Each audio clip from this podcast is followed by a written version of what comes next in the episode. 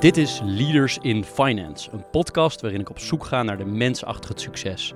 Ik praat met leiders van nu en later over hun drijfveren, carrière en privéleven. Waarom? Omdat er meer gesproken moet worden in de financiële sector. Leaders in Finance wordt mede mogelijk gemaakt door Interim Valley, FG Lawyers en Biscuit. Welkom bij een nieuwe aflevering van Leaders in Finance. Deze week hebben we te gast Elwin Groeneveld, oprichter en CEO van Credits. Welkom Elwin. Dankjewel. Leuk dat je de tijd neemt hier in, in Almelo bij jou op, uh, op kantoor. Ik zal jou kort introduceren. Traditiegetrouw spellen we de naam van de gast, dus ook nu. Elwin is E-L-W-I-N en Groeneveld is G-R-O-E-N-E-V-E-L-T. En credits, dat schrijf je met een Q, dus Q-R-E-D-I-T-S. Elwin groeide op in Pernis, een klein dorp bij Rotterdam. Hij studeerde bedrijfskunde in Rotterdam en Amsterdam. Hij startte als management trainee bij Credit Lyonnais, die later werd overgenomen door Generale Bank, welke op haar beurt weer werd overgenomen door Fortis Bank. Twaalf jaar geleden was hij oprichter van Credits. Kort iets over Credits. Credits is een kredietverstrekker voor het MKB, waarbij er gefinancierd wordt tot 250.000 euro. Hierbij staan coaching en tools centraal om ondernemers te helpen in hun ondernemerschap. Credits is actief in Nederland, de Cariben en Spanje. Een aantal cijfers. Credits heeft meer dan 25.000 kredieten verstrekt ter waarde van een bedrag van meer dan een half miljard euro. En ondernemers geven Credits een rapportcijfer van gemiddeld een 8,6. Credits werkt samen met onder andere de Rabobank, Triodos, het ministerie van Economische Zaken en Klimaat en de Europese Investeringsbank. Credits is een stichting met een ANBI-status, een AMBI-status, dus zonder winstoogmerk. Elwin is vervent organist en wilde ooit conservatorium doen.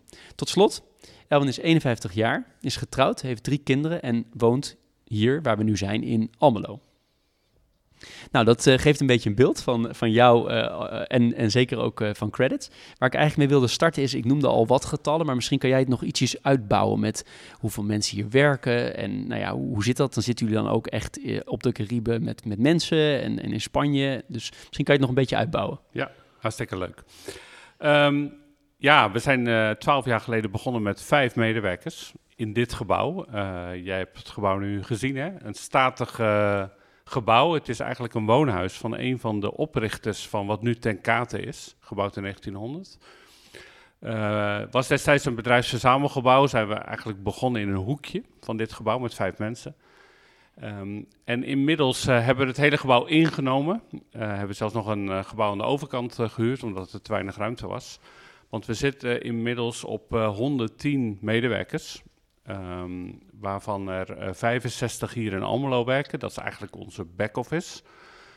In het land hebben we nog uh, 30 adviseurs. Die en de coaching doen regelen, zeg maar, regiocoördinatoren coaching. Maar ook bedrijfsadviseurs die onze klanten thuis bezoeken. En op de Cariben hebben we inmiddels uh, 12 medewerkers, verspreid over vier kantoren. Dus we hebben een kantoor op Bonaire, Curaçao, Aruba en Sint Maarten. En vanuit Sint Maarten bedienen we ook Saba en uh, Stacia. Dus een hele uh, club mensen. Uh, die zijn allemaal in vaste dienst bij dit bedrijf. we hebben daarnaast nog 650 vrijwilligers die coachen. echt een heel belangrijk onderdeel van credits. Het zijn allemaal ondernemers of professionals, gemiddelde leeftijd 50 jaar, um, die onze startende ondernemers begeleiden. Op de een of andere manier. Hè. Het kan zijn op het gebied van online um, uh, marketing, kan zijn op het gebied van boekhouden, uh, persoonlijke effectiviteit. Het zijn eigenlijk klankborden voor de, voor de ondernemers.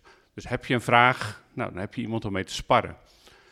Uh, ja, waanzinnig onderdeel van dit bedrijf. Hè? 650 vrijwilligers die allemaal een soort creditsambassadeur zijn in het land. Maar vooral heel veel uh, tijd besteden om ondernemers te helpen. Dus die ook ja, enorm intrinsiek gemotiveerd zijn om dat te doen. Um, daarnaast hebben we nog uh, 35 docenten uh, die we inhuren. Dat zijn docenten die we gebruiken voor onze trainingen. we hebben acht soorten trainingen. Maar ook bij het eigen baasprogramma wat we op scholen hebben uitgerold. Dus op diverse mbo- en vmbo-instellingen loopt het eigen baasprogramma. Ja, dat is in zijn algemeenheid zeg maar hoe groot het bedrijf inmiddels geworden is. Um, En daar ben ik eigenlijk wel super trots op. Want twaalf jaar geleden was dat eigenlijk nog helemaal niet de planning. Hè? Toen we begonnen waren we hier met vijf. We hadden natuurlijk wel een businessplan. We zouden groeien naar misschien 50 medewerkers. Inmiddels zijn we op dit niveau aangekomen. Ehm, het is geen doel op zich. Hè? Credits is nooit bedacht om een hele grote instelling als een Rabobank of een ABN te worden. Helemaal niet zelfs, uh, want groot is niet altijd uh, het beste. Zeker niet als financiële instelling, komen we straks misschien later nog wel over te spreken. Maar aan de andere kant, het zegt wel iets over de, de enorme vraag die er in de markt is naar kleine kredieten. Want wij zijn een vraaggestuurd bedrijf. Met andere woorden, ja, hoe meer vraag er in de markt is, hoe, hoe groter wij worden, hoe meer wij groeien. En dat doen wij inmiddels met, uh, met dit team aan mensen. En um, gezien het feit dat het een stichting is, is het dus ook een soort statutaire doelstelling, hè, om mij veel formeel te zeggen. Eh, weet je ongeveer, eh, kan je die ongeveer verwoorden wat die is? Ja, we hebben een uh, formele missie, die staat ook in de statuten. Um, en die missie is om ondernemerschap te bevorderen. Dat is in een brede zin in Nederland en op de Cariben. Uh, en dat doen wij door ondernemers uh, te faciliteren met kredietverlening, coaching en met allerlei tools. Uh, inmiddels is het eigen baasprogramma ook aan, de, aan die missie toegevoegd. Maar die missie is dus vrij breed. Het is niet alleen maar gericht op financieren. Het is juist heel erg gericht op ondernemerschap bevorderen in de volle breedte. Dat kan zijn, ik wil eigenlijk voor mezelf beginnen, maar ik weet niet hoe. Ik heb geen ondernemersplan. Ik heb ook geen idee hoe ik dat plan moet schrijven. Heel veel kleinere ondernemers hebben daar echt een bloedhekel aan. Dat stimuleren we. Uh, dat kan ook zijn op scholen van studenten ja, motiveren, inspireren wat ondernemerschap inhoudt en ja, zo'n beetje pushen om, in die richting. Tot aan kredietverlening en, uh, en begeleiding. Ja, dus zou je kunnen zeggen, um, zou je kunnen uitleggen wanneer jij vindt dat jij succesvol bent met credits?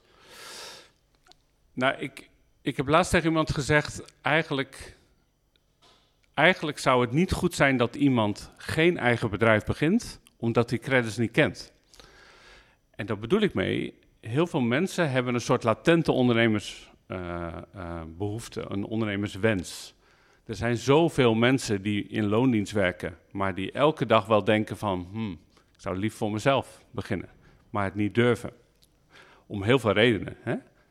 De meeste mensen zitten vast aan ketenen aan een bedrijf, hè? omdat ze nou, veel geld verdienen, bijvoorbeeld. Net als ik bij de bank ooit deed uh, goede arbeidsvoorwaarden hebben, zekerheidszoekers zijn. Uh, maar er zit ook een element in van, ja, mijn idee is vast niet levensvatbaar. Of ik heb geen idee hoe ik moet beginnen. Of ik heb 50.000 euro nodig en dat vind ik echt superveel geld. Ik durf dat niet eens aan te vragen. Nou, voor al die mensen, die zouden eigenlijk eens met credits in contact moeten komen. Want we kunnen ze aan alle kanten helpen. Hè? We kunnen ze bijvoorbeeld een coach bieden, die met ze spart hierover. We hebben templates, e-learnings om een ondernemersplan te schrijven, uh, tot aan financieren. En in die volle breedte zijn wij actief. En eigenlijk, eigenlijk is Credits pas succesvol als iedereen die, die worstelt met die ondernemersvraag toch eens een keertje bij ons langs is geweest. Um, en dat is bij lange na nog niet het geval. Dus we kunnen nog heel erg veel groeien. We kunnen veel meer naamsbekendheid nog krijgen. Um, ik geloof echt dat uh, over uh, 10, 20 jaar credits ja, net zo bekend zou kunnen zijn als dat de Rabobank nu is of de Kamer van Koophandel. Hè? Wij spelen ook wel heel erg in op um, het marktfalen van andere partijen. En daarom zijn wij ook ooit gestart.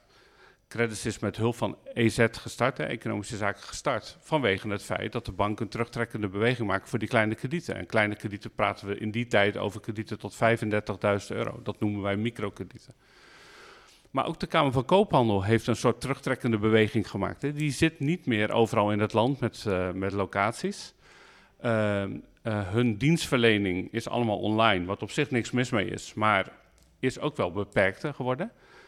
En ook daar, in dat gat stappen wij. Dus wij zijn eigenlijk een combinatie van wat de Kamer van Koophandel doet en wat de banken doen. Of eigenlijk wat ze niet doen. Daar stappen wij in. We willen nooit concurreren met ze.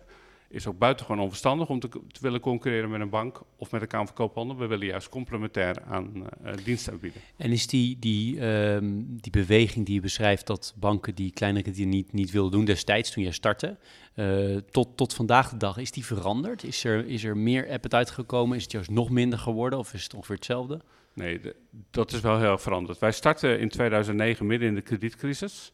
En wij voelden toen al aan dat banken, eh, en dan praat ik zeker over ING en ABN AMRO, hè, de centraal geleide grote banken in Nederland, dat die um, minder um, appetite hadden voor starters. Met name startende ondernemers met, eh, met, voor een klein krediet en met heel weinig track record. Daar zijn wij ook met name op ingestapt. Rabobank deed dat in die tijd nog wel meer, met de, met de, met de zelfstandige kantoren. Maar inmiddels zijn we nu twaalf jaar verder.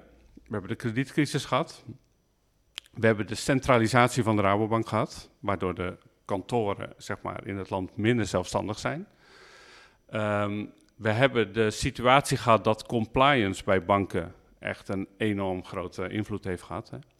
De regelgeving vanuit de ECB, ehm, waardoor kleine kredieten, zeker zonder track record, zonder veel zekerheden, ja, uh, niet alleen maar hoog risico zijn, maar ook heel weinig opleveren.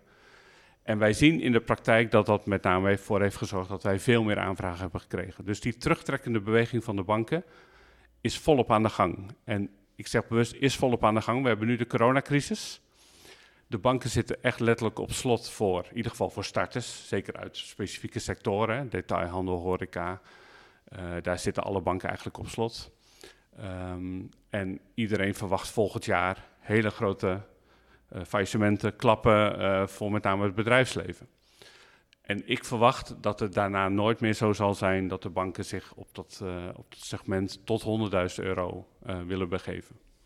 Je hebt een enorme hoeveelheid kredieten verstrekt in al die jaren. We zeiden in de introductie al voor, voor meer dan een half miljard. hoe wordt dat gefund? Ja, dat is een hele spannende eigenlijk. In het begin was het nog niet zo heel ingewikkeld. We zijn begonnen met een lening van 15 miljoen van EZ. Nou, die lening is inmiddels uh, verhoogd naar uh, eh, 45 miljoen. Uh, toen hebben we daarna de bank en de verzekeraars funding verstrekt. Met elkaar in één groot syndicaat van 13 partijen. Heel complex syndicaat. Hè. ik zeg wel eens, Credits is gefund als een corporate, hè, als Shell. Ik bedoel, als je kijkt naar onze fundingstructuur, zijn er 18 partijen actief. Allemaal grote internationale financiële organisaties die met elkaar uh, syndicaten vormen, crediteurregelingen. Het is een heel complex uh, mechanisme. Um, we hebben BNP Paribas, die is laatst toegetreden, Franse bank. Um, geweldig dat ze dat doen, vind ik ook heel knap dat ze die visie hebben. Want ze verstrekken wereldwijd kredieten aan microfinancieringsorganisaties.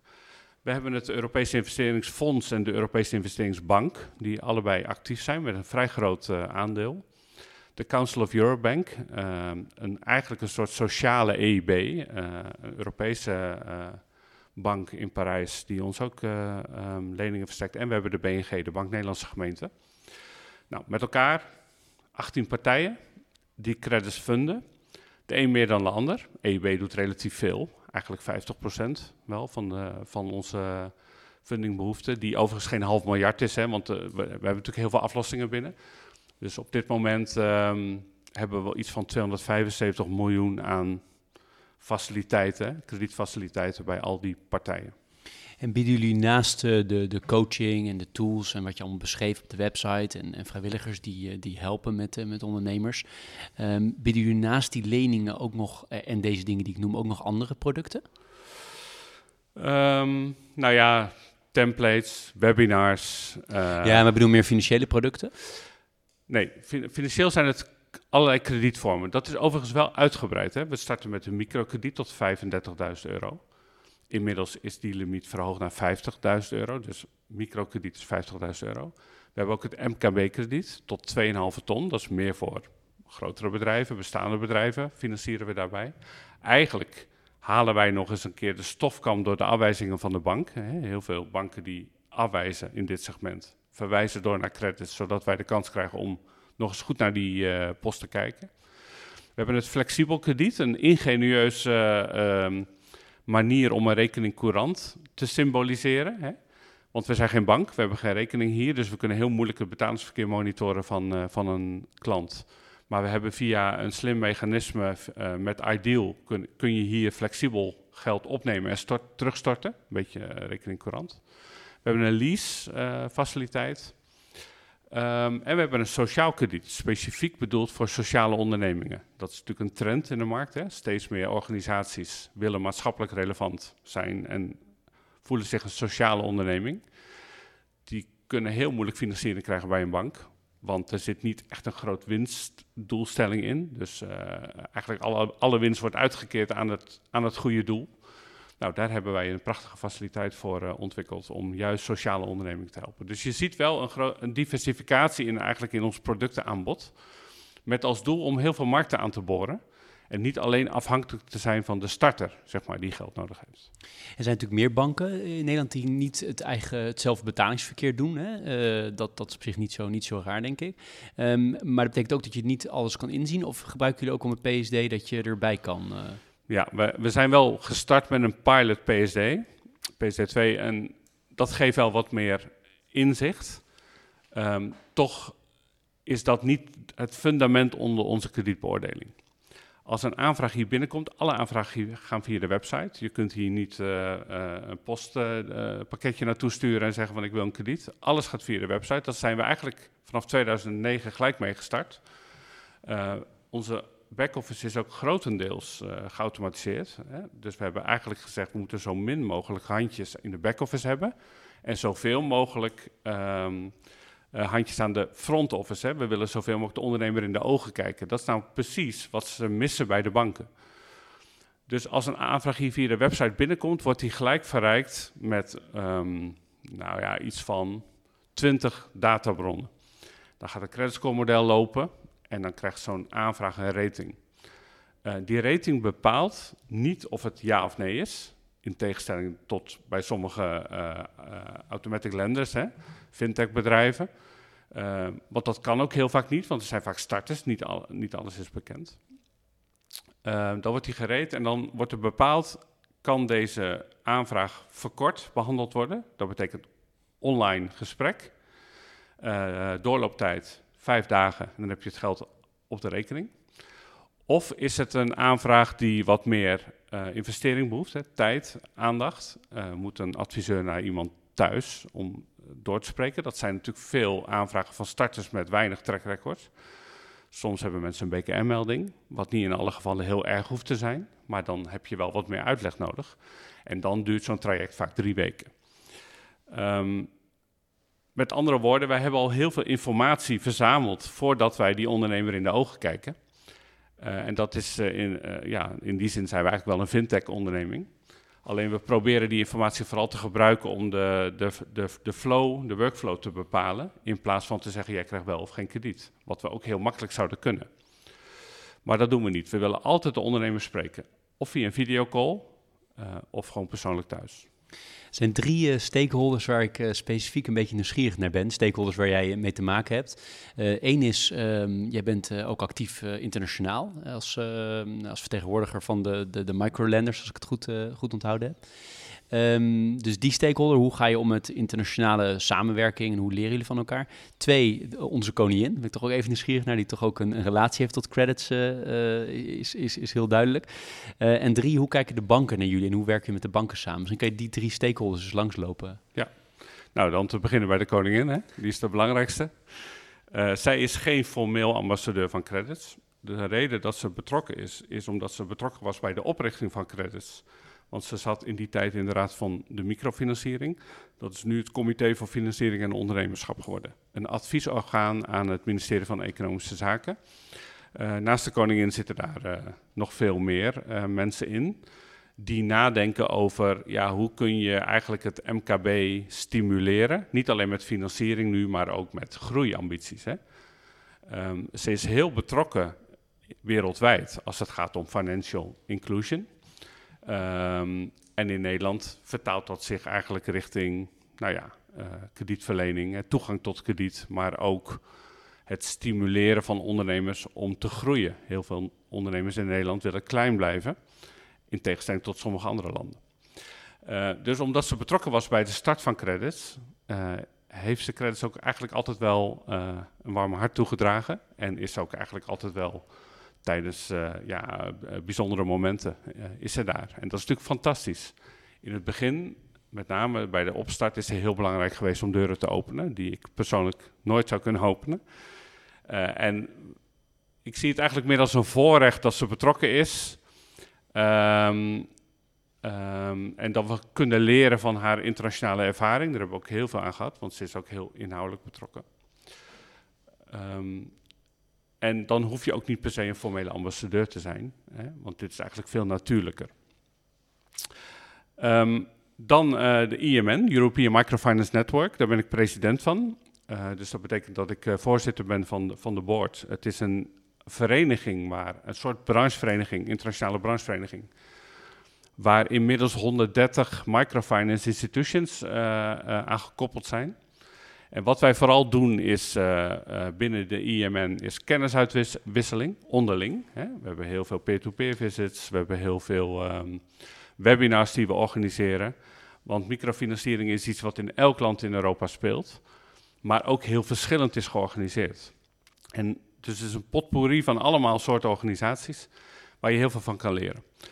Mooiste is dat credits eigenlijk heel erg in de belangstelling staat, omdat wij als een van de weinige MFI's, Microfinance Institutions in Europa, gebruik maken van IT. Dus we zijn een heel IT-gedreven bedrijf. Wij zijn ook als een van de weinige instellingen in Europa financieel onafhankelijk. Hè. We, we, verdienen ons eigen geld, we maken winst en op die manier kunnen we groeien. En ze vinden vooral interessant hoe wij samenwerken met de banken. En dan kom ik bij de derde stakeholder. Uh, sinds de start van credit zijn de banken betrokken. Dat is denk ik wel gaaf, want eigenlijk zijn wij een soort uh, organisatie waarin de overheid en de commerciële banken samenwerken. Toen wij startten kregen we ook subsidiegeld van de banken, de drie banken, en de overheid. De drie banken kregen daarvoor een bestuurszetel terug.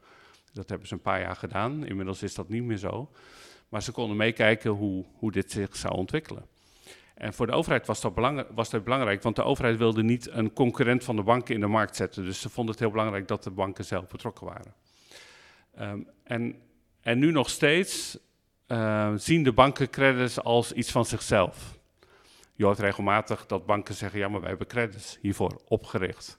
Nou, dat is niet helemaal waar. Hè? Er is geen één enkele bank die credits heeft opgericht, maar ze zijn wel allemaal betrokken. En ik heb liever dat ze zeggen, we hebben credits opgericht en we werken nou samen uh, dan dat ze afscheid van ons nemen. Dus de banken zijn heel erg betrokken. Ze verwijzen heel veel door. Soms heel goed geautomatiseerd, hè? zoals bij ING werkt dat heel goed. Maar ook heel vaak gewoon persoonlijk via de Rabobank uh, kantoren.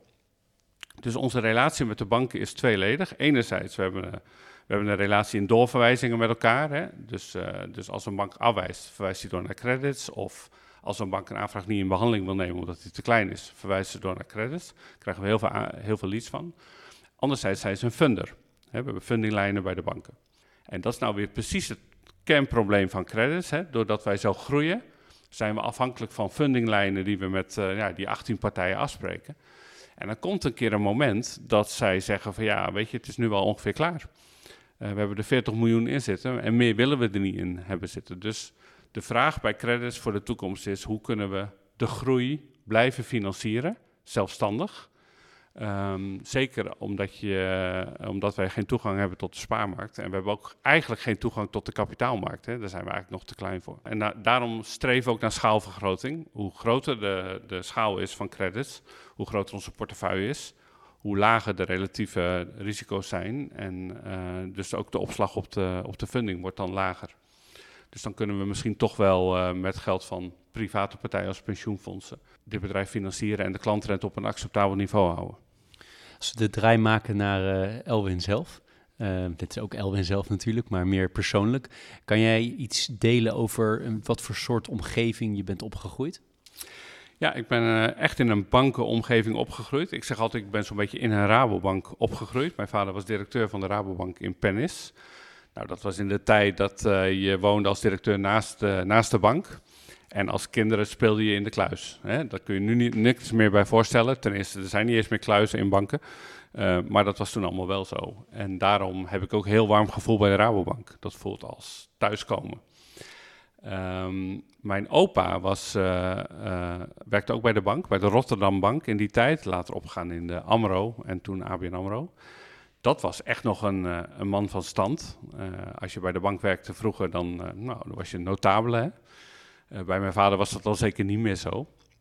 Maar daar ben ik in, in, die, in, in die sfeer ben ik opgegroeid.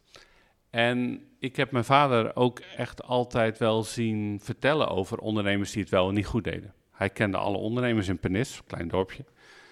Hij wist ook precies als er een kredietvraag van een ondernemer kwam of dat wel oké was of niet. Hij had helemaal geen creditscore systemen nodig en uh, ingewikkelde toeters en bellen. Hij kende alle ondernemers persoonlijk. Dat was de kracht van de Rabobank van vroeger. Um, kleinschaligheid.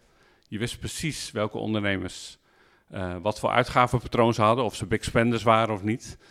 Uh, daar was helemaal geen externe databronnen voor nodig om, om dat te kunnen analyseren. Dat vond ik wel mooi. Um, ook wel om te zien welke ondernemers deden het nou wel goed en welke niet. Hè? Daar heb ik wel veel van meegekregen. Daarnaast uh, hadden wij altijd mooie klusjes die we konden doen voor de bank. Dus ik uh, bracht uh, kalenders rond. dat deed de Rabobank altijd aan het eind van het jaar. En als de bankpassen moesten worden vernieuwd, dan had ik een mooi vakantiebaantje. En qua opvoeding, wat voor soort normen en waarden kreeg je mee? Ik ben christelijk opgegroeid. dat is nog steeds mijn levensovertuiging. Ehm, met ja, respect voor mensen ik zei ook altijd u tegen mijn ouders, doe ik nog steeds. Kan, kan ik ook niet afleren. Mijn moeder heeft heel vaak gezegd, zeg nou maar jij, maar dat werkt niet. En toch is dat, als je zo bent opgegroeid, zeg je ook heel makkelijk u tegen andere mensen. En dat mis ik bijvoorbeeld wel eens bij de jongeren van nu. Het is allemaal je en jij. Hè? Sorry dat we dat hier ook doen. Ja, ja, geen probleem. Maar weet je, het respect voor mensen is eigenlijk goed. Um, ik ben ook wel opgegroeid met geven dat geven belangrijker is dan ontvangen. En dat uh, is nog steeds iets wat ik uh, mooi vind. Hè? Uh, de, als je iets geeft, dan krijg je zoveel terug. Um, in plaats van dat je eigenlijk alles maar wil hebben. Dat bepaalt ook wel een deel van, van, mijn, ja, van mijn levensvisie. Teruggeven. Maar het streven naar winstmaximalisatie stuit, stuit mij tegen de borst. Um, het alleen maar bezig zijn met aandeelhouderswaarde. Um, ik geloof ergens wel in de maatschappelijke relevantie van een stichting. En zeker in de financiële sector uh, is dat wel een nieuw geluid. Uh, daar geloof ik in. Ik geloof ook in dat je uit alle macht moet proberen om ondernemers zoveel mogelijk te geven, in plaats van alleen maar rente te vragen. Ik wil het eigenlijk nog even over je jeugd hebben, dus daar kom ik zo nog even op terug. Maar nu we het hier toch over hebben, omdat het ook even mijn vraag is. Ik heb bijvoorbeeld met Maurice Oostendorp, die nu voormalig, maar toen CEO van, uh, van de Volksbank was. Uh, maar ook met Matthijs Bierman van Triodos Bank. Uh, en nog een aantal anderen ook gesproken over um, nou ja, de, de aandeelhouderswaarde versus zeg maar, het stakeholder-model als twee soort van tegen, tegenpolen af. Dat is zeer discutabel of dat echt tegenpolen zijn. Maar, maar mijn vraag gaat eigenlijk over het volgende. En dat is, um, er zijn ook heel veel partijen die willen wel graag meer richting de sociale kant of meer het algemeen belangkant, of hoe, wat voor naam je er ook aan geeft. Maar die, zijn wel, die worstelen wel met van hoe dan. Dus mijn vraag is eigenlijk, je werkt bij een grootbank bijvoorbeeld. Wat, wat voor dingen kan je dan doen om meer die kant op te gaan in, jou, in jouw visie? Ik denk dat het een structuurprobleem is. Ja, ik heb het zelf uh, ervaren bij Fortis Bank, hè, wat gewoon een prima bank was. Um, waarin ik eigenlijk er tegenaan liep dat we ondernemers niet meer wilden financieren op hun ondernemerscapaciteiten en op hun ondernemersplannen, maar puur op risicorendement. Uh, ik, kon, ik kon daar verder niks in veranderen. Hè. Uh, de organisatie was te groot voor mij om daar een verandering in te brengen. Dus ik ben een project gestart, microfinanciering. Dat is uiteindelijk heeft, is dat uitgelopen op waar ik, nu, waar ik nu ben beland. Maar je kunt het alleen maar op die manier doen. De banken zijn veel te groot om te veranderen. Um, dus het is echt een structuurprobleem. En je ziet dat zelfs al bij kleine banken als Triodos en uh, de Volksbank, die echt wel proberen, zeg maar, hè, om, dat, uh, om dat te doen. Maar ze worden gereguleerd uh, door de ECB en de DNB. En dat geeft al gelijk zoveel, um, zoveel um, legacy, zou je bijna zeggen. Dat je niet meer toekomt aan het alleen maar met de ondernemer bezig zijn. Dus ik denk dat dat dus ook niet lukt. Dus wat, is dan, wat zijn oplossingsrichtingen dan, nou ja, als je dit gelooft? Ja, kleine organisaties. Maar Eh, toch heb jij het ook over schaalgrootte bij credits. Dus Precies, hoe, gaat en, samen? en daar komen we precies in. Dat is echt conflict of interest. Dus met andere woorden, waar, waar wij nu naartoe dreigen te, te, te groeien, dat is eigenlijk het grootste gevaar wat, eh, wat, wat ons kan overkomen. Namelijk te groot worden, waardoor je ehm, en niet meer die aandacht aan die ondernemer kan geven, maar waarin je ook te veel stakeholders krijgt die eigenlijk hun wil opleggen. Wat volstrekt logisch is vanuit hun optiek. Ehm, dus dat, de huidige vraag die we met credits hebben is van, ja, moeten we eigenlijk nog wel groeien? Want eigenlijk willen we niet groeien om onze cultuur en onze dienstverlening in stand te houden. Aan de andere kant is zoveel vraag in de markt. En je wil ook geen nee verkopen. Je wil ook niet tegen een ondernemer zeggen op de 15e van de maand: sorry, eh, ehm, wij, wij verstrekken alleen maar kredieten bij aanvragen die in de eerste twee weken van de maand worden, eh, worden, worden aangevraagd. Dat kan niet. Dus ergens ehm, worstelen we wel met dit issue. Ik geloof ook, zo gauw wij onze status van stichting loslaten en aandeelhouders bijvoorbeeld krijgen, wat misschien best wel zinvol zou zijn. Hè? Want waarom zou een pensioenfonds geen aandeelhouder kunnen worden? Want dat geeft eigenlijk gelijk meer, gelijk meer ruimte. Je kunt je equity verhogen, daarmee kun je ook veel meer leningen aantrekken. Maar je verliest zo je, ehm, je kenwaarde eigenlijk, ehm, dat je nooit meer terug kan. En dat is wel iets waar ik, als je zegt van ja, waar lig je dan eigenlijk wakker van? Dan is dat dit. Eh, je wil aan de ene kant groeien om zoveel mogelijk mensen te helpen. Dat zit in ons systeem, we willen helpen. Aan de andere kant, er komt een moment dat dat niet meer in de huidige vorm kan. Dat we te groot worden.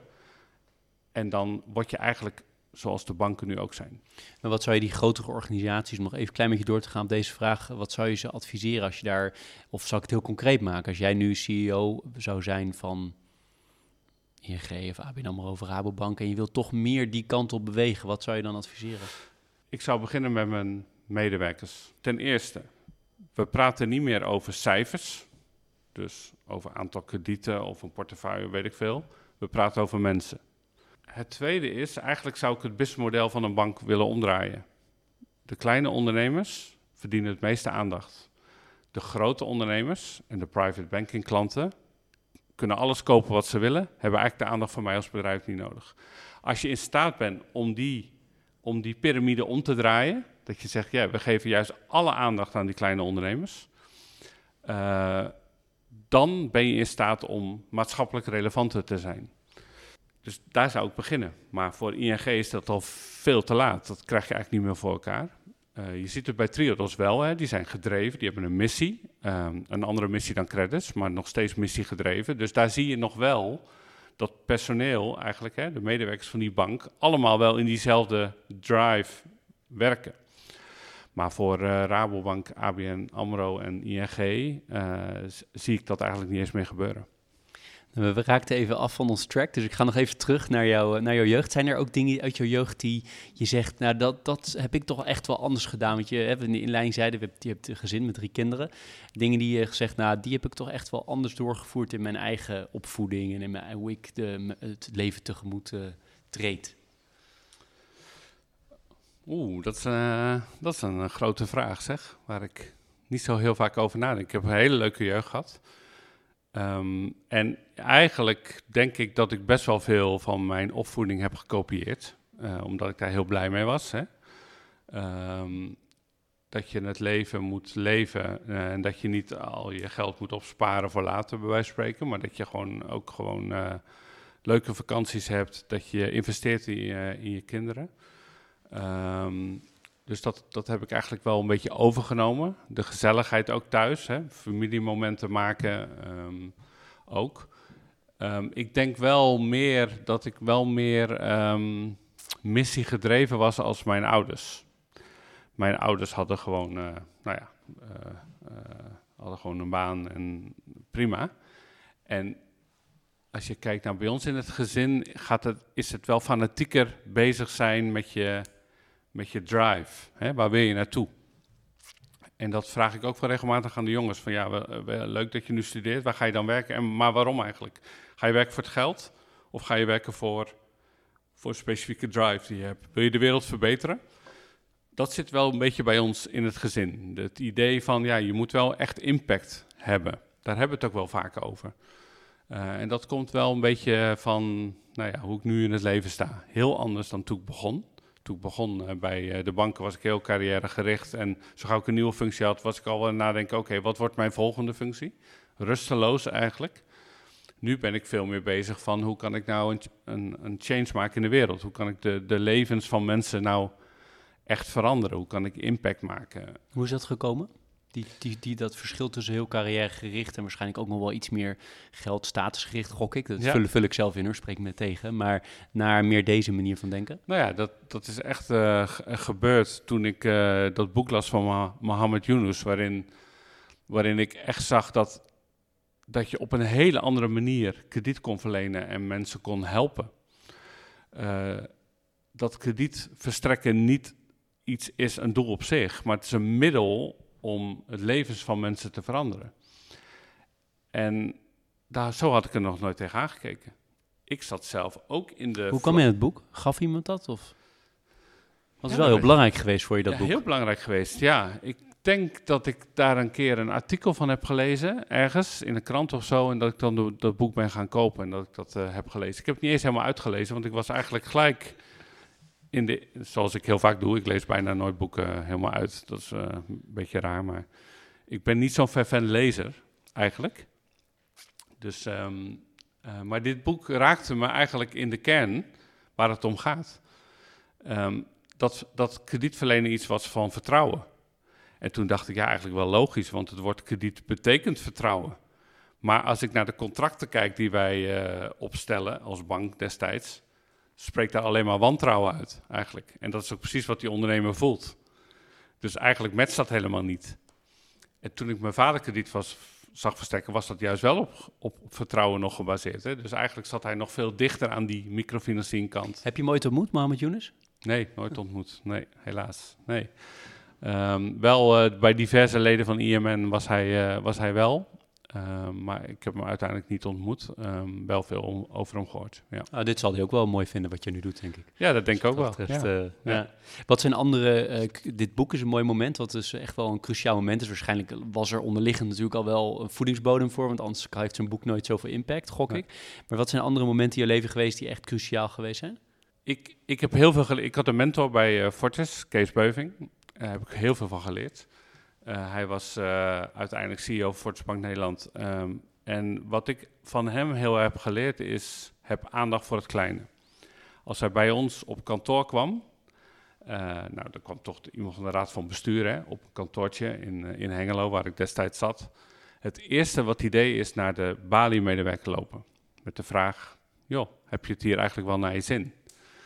En dat, dat, dat observeer je, hè, hoe iemand dat doet, op een hele natuurlijke manier. Hè. Het was helemaal niet, eh, niet een, een, een maniertje van hem. Nee, hij was gewoon oprecht geïnteresseerd in de achtergrond van de mensen die eigenlijk het contact met de klant eh, hadden, in plaats van alleen maar bezig zijn met de directeur. Dat heeft mij heel erg geïnspireerd. Eh, hij heeft mij sowieso geïnspireerd in zijn manier waarop je heel warm met mensen omgaat. Dat moest ik echt leren, want ik ben vanuit mezelf heel erg ehm, doelgericht. Dus eh, de mensen zijn een middel om het doel te bereiken. En, ehm, maar juist die persoonlijke aandacht voor juist degene die dat niet verwachten, want ik ben maar een Bali-medewerker, gaf juist een enorme boost aan, ehm, aan de motivatie van die mensen en daarmee het hele team. Dus daar heb ik heel veel van geleerd. Ehm, ik heb eh, nu ook nog een, eh, een mentor waar ik veel mee spreek, Dieterik Lamontrip. Kan hem wel noemen. Hij, is, hij zat ook in de Raad voor de Microfinanciering.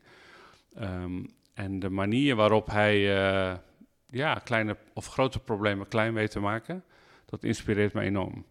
Ehm, en ik vind het altijd geweldig om mensen eh, te zien die eigenlijk een hele carrière achter de rug hebben, alles al hebben meegemaakt en toch geïnteresseerd zijn in mij, in dit geval. Ik bedoel, om mij verder te helpen. En zo zou ik eigenlijk ook wel willen zijn. Hè? Dat je gewoon interesse houdt voor al die andere. Ik ben nu 51, ja. eh, ik denk van, man, ik ben 51, ik voel me nog 30. Maar ik ben 51, dus je bent eigenlijk ook al wel stiekem andere mensen aan het opleiden. Hè? Iedereen die nu van de universiteit komt, 20, 30ers, nou, we hebben ze bij Credits heel veel. Daar ben je eh, eh, alweer de mentor voor. En zo zou ik ook graag willen zijn. Dus ik ben al heel erg aan het nadenken over hoe kan ik nou geven. Hoe kan ik andere mensen, in andere mensen investeren en, uh, en hun verder brengen. Waar ben je het meest trots op? Van, uh, wat betreft je, je loopbaan? Ja, dat is toch dit, wat ik nu doe. Um, maar is het dan, kan je dat concreet maken? Is het dan de, de, de, de grote, het is uiteraard de impact. Ja. Maar wat is het heel concreet? Wat, wat, waarvan jij zegt, dat heb ik echt zelf bereikt? Want je hebt natuurlijk, jij was de, de, de founding father, je hebt het bedacht. Hè? We hebben, ik heb uh, veel over je gehoord en gelezen ter voorbereiding. Je hebt destijds zelf een plan gemaakt. Je bent dat eerst binnen de bank gaan doen. Toen ben je met, naar, met de, de overheid erbij gehaald. Je hebt zelfs de overstap gemaakt naar de overheid om, om dit allemaal voor te bereiden. Maar wat is dan het, het, het waar, waar je echt het meest trots op bent? Dat ik, alle, dat ik op het moment dat ik het niet zag zitten, dat ik ben doorgegaan.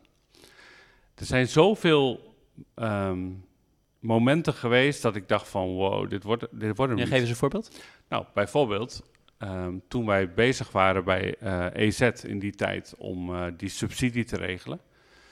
Um, nee, nog veel eerder. Toen ik kwam met het plan van er moet eigenlijk een apart instituut komen die microfinanciering gaat verstrekken. In plaats van dat wij als EZ zijnde allerlei garanties aan banken geven met, met een incentive om het te doen toen ik dat plan stuurde, daar was ik super trots op. Daar had ik uh, op, op mijn zolderkamer uh, uren aan gewerkt. En het eerste mailtje wat ik terugkreeg is: goed plan, maar dat gaat je nooit lukken. Nou, dan denk ik wel even van wow, weet je, uh, um, hoe kom ik hier overheen? Nou, dat was bijvoorbeeld zo'n moment hè, dat je dan toch door moet gaan. Hè. Je en en wat was het dan dat je doorging? Visie vasthouden. Gewoon zeggen van ja, maar ik ben het gewoon niet mee eens. Dit is mijn visie. Ik geloof hier heilig in. Ik heb um, regelmatig op de parkeerplaatsen achter EZ in een auto gezeten en dacht van dit gaat gewoon niet lukken, weet je. En toch je visie vasthouden. En dat is denk ik wel, nou ja, waar ik ook wel in getraind raakte op een gegeven moment. Uh, maar wat je ook, waar, waar je ook van leert. Weet je, een tegenslag betekent niet dat het niet doorgaat. Je moet toch doorgaan. En dat is bij credits in de ontwikkeling de afgelopen twaalf jaar. Het lijkt allemaal zo aan eenschakeling van successen. Maar dat, daar zitten natuurlijk heel veel hiccup momenten in. Hè? Dat je financiering niet rondkrijgt, uh, dat je uh, problemen hebt met je stakeholders. Uh, en wat doe je dan praktisch? Je, je, zit in zo'n moment dat je echt in een, in een dal zit en denk je, jongen, jongen, jongen, gaan we dit ooit nog vlot trekken? Je blijft bij je visie. Maar wat doe je praktisch? Ga je juist nog harder werken of ga je juist sporten of ga je lezen of ga je afleiden of ga je met je vrouw praten? Of nou, ik kan nog duizend dingen bedenken. Maar wat doe je nou echt concreet? Want dat, kijk, dit, dit kent, herkent natuurlijk iedereen. Ja. Er is natuurlijk echt helemaal niemand die nooit in, in zo'n dal zit. Of nou een loondienst is, of als ondernemer, of als politicus, of wat dan ook. Maar wat doe, hoe, hoe reageer jij daarop, praktisch? Uh, klankborden met een aantal mensen. Hè, mijn vrouw, met uh, mensen om je heen waarvan je echt even tegen... En iedereen heeft wel weer zijn eigen insteek. Dat is mooi als je een paar mensen hebt, hè. Uh, sommige mensen zijn heel erg bezig met jou als persoon, maar sommige mensen kun je ook wel klankborden inhoudelijk over hè, de materie. Dus dat, je moet een aantal mensen om je heen hebben met wie je dat kunt doen. Op verschillende levels. Dat is denk ik ook wel belangrijk. Je kunt niet met één persoon over alles hebben. Dus dat, ik ben wel het type die dan heel hard gaat nadenken en uh, achter mijn computer gaat zitten en uh, mensen wil beïnvloeden. Sporten doe ik niet. Dat is misschien eigenlijk wel niet goed, maar dat zou ik wel veel beter moeten doen. Want het van je afsporten. Ik loop wel heel veel. Ja, dat is nog wel een ding. Ik loop elke avond uh, zeker wel een uur. En ook wel om te reflecteren. Uh, gewoon even alle scenario's door je hoofd laten gaan. Daar word je soms ook wel helemaal gek van, want je, je, je, je gaat alle scenario's bedenken die toch niet voorkomen. Maar het idee dat je voorbereid bent op elk mogelijk scenario, geeft mij wel een comfortabel gevoel. Bij Leaders in Finance zo op 80, uh, 90% ook altijd een teaser en een pleaser. Nou, de pleaser is altijd hetzelfde, dat, is, het gaat over een boek, daar komen we zo. Um, als uh, teaser heb ik opgeschreven, heel kort... Grootbanken in binnen- en buitenland kunnen meer leren van credits dan credits van hen. uh, helemaal mee eens. Het was toch niet echt een t-shirt. nee, nou ja, weet je, ik, um, natuurlijk zet je je af tegen de banken. Niet in een negatieve zin. Ik bedoel, ik ben groot, ik heb mijn carrière is begonnen bij banken. Ik heb ontzettend veel geleerd. Wat ik al zei, ik heb een heel warm gevoel bij de Rabobank. En toch denk ik dat ze niet op de goede weg zijn. Ehm, en ik denk ook dat het model niet uh, stand houdt. en dat ze veel kunnen leren van klein, de kleinschaligheid die wij bij credits hebben. Uh, dat geloof ik echt. En ik, er is een, een RVB-team van een van de banken, ik zal de naam niet noemen, is bij Credits geweest om zich te laten inspireren. Dat vond ik echt fantastisch dat ze dat deden. Zo ongebruikelijk eigenlijk. En ze gingen allemaal met een glimlach en met heel veel ideeën terug. En eigenlijk vond ik dat super knap. Hè? Want als grootbank denk je heel snel, nou, we, hebben alles wel bedacht en we weten hoe het, moet. En je verlaag je niet om gewoon eens uh, bij een organisatie waar nog geen honderd mensen werken, om daar gewoon eens te kijken hoe, hoe, hoe pakken die dat eigenlijk aan. En toch zou dat heel goed zijn. Ik geloof echt dat uh, de banken veel te groot zijn uh, voor, voor het werk wat ze moeten doen. En dat daardoor alternatieve financiers, zoals credits, maar er zijn er nog veel meer, hè, ruimte krijgen die, die echt ten goede komt voor de ondernemer. Ik geloof echt dat een ondernemer die start, een kleine ondernemer, beter af bij credits is. In ieder geval voor de eerste vijf jaar. Um, zonder dat ik daarbij zeg dat de banken slecht zijn.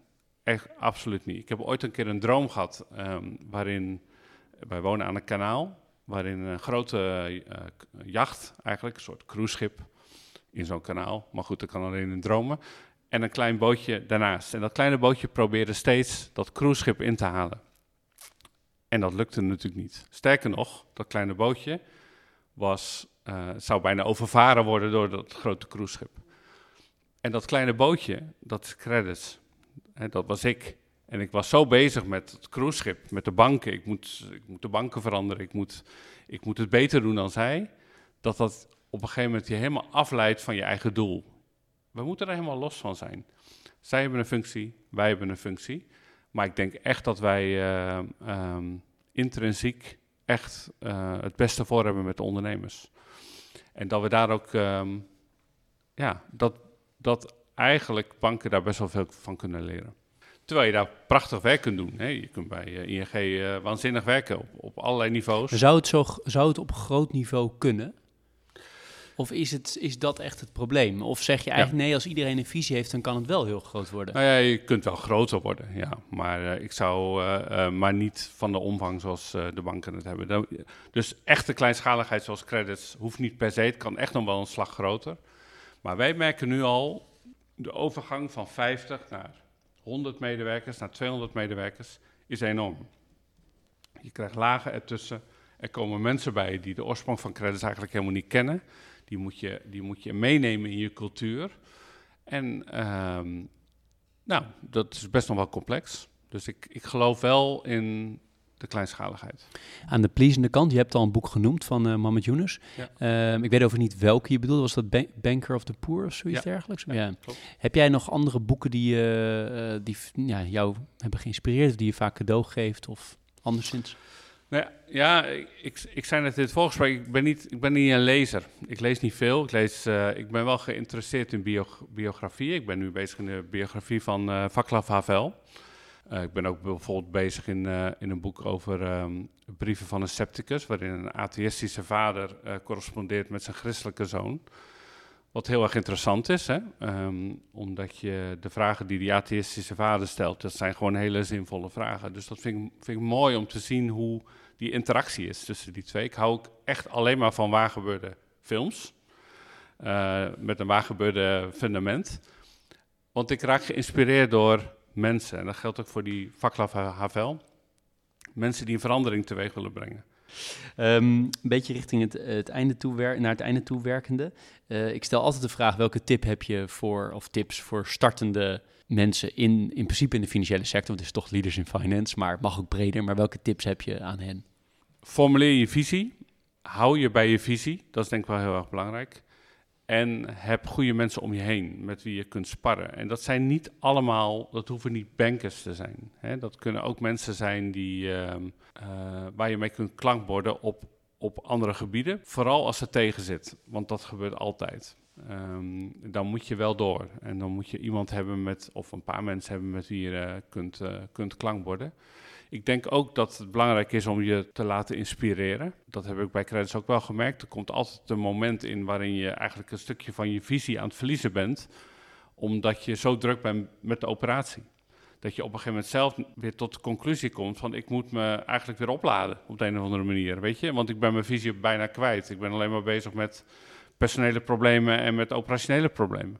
Over de privé-werkbalans. Uh, je bent uh, vader van drie kinderen. Je, zei al, ik, was, uh, ik ben, maar toen helemaal voorheen heel carrière gedreven. heb je nou altijd tijd gehad voor het gezin? Of hoe, hoe, combineer je die twee?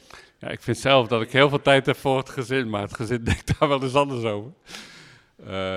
nee, ik, ben, ik heb wel veel en hard gewerkt. Ja. En ehm, mijn vrouw heeft heel veel opgevangen thuis, maar ze heeft ook een eigen onderneming. Dus dat moest ze allemaal combineren. En dat doet ze ook heel goed.